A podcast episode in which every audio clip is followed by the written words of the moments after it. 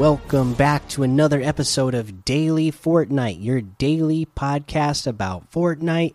I'm your host, Mikey, aka Mike Daddy, aka Magnificent Mikey. And today, we don't really have a whole lot of news, so just enjoy the weekend and uh, play with your friends and get as much leveling up as you can early on in this season 8.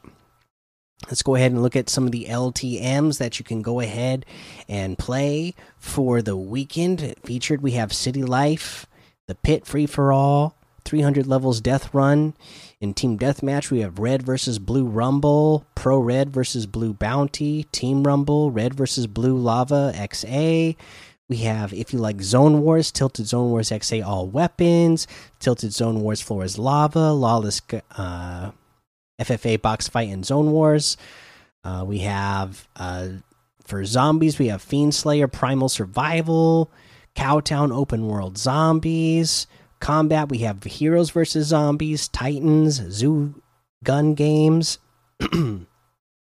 and then uh, you know just keep on searching throughout that entire discover tab and you're going to find a whole lot more uh, options uh, to try out this weekend as well uh, let's go ahead and head on over to the item shop and see what we have in the item shop today. Now, uh, this is a great item shop. Now, Janky is still here, and then we have all of the summer favorites added back in here. So, uh, I'm not going to read through all of these, otherwise, it would take forever. But basically, if you like any of the summer outfits or the items, they're all here. Okay, so if there's one that you've been wanting to get and you didn't get a chance to get, and now you have enough V bucks, now is the time to get it because the summer favorites are in the item shop right now.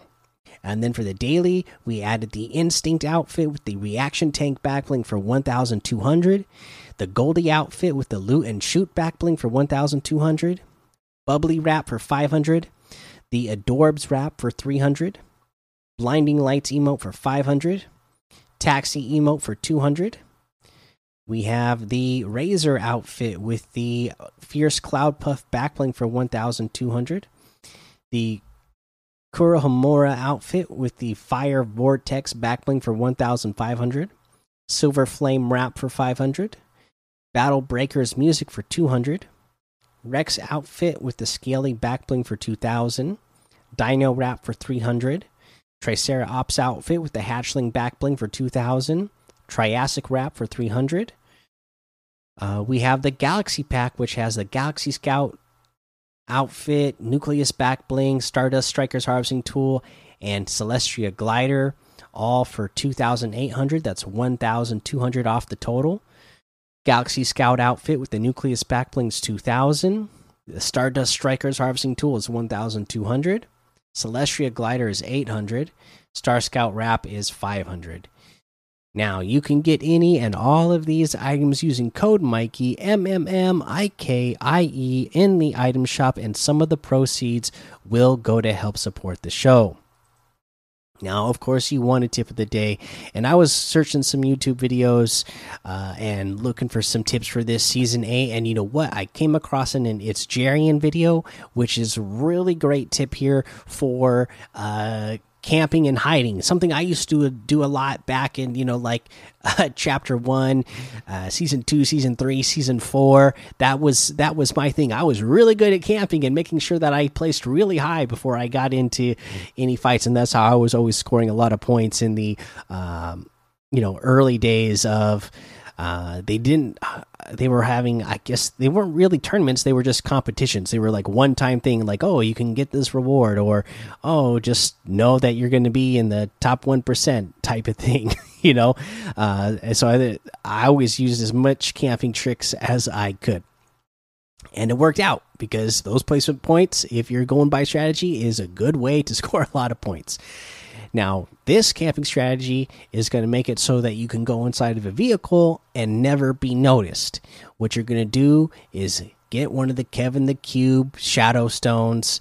You're going to consume it. Obviously, you're going to go into shadow form. And if there's a semi truck nearby, you can go on top of a semi truck, look directly down, and then that phase button that we talked about that the Shadow Stone has.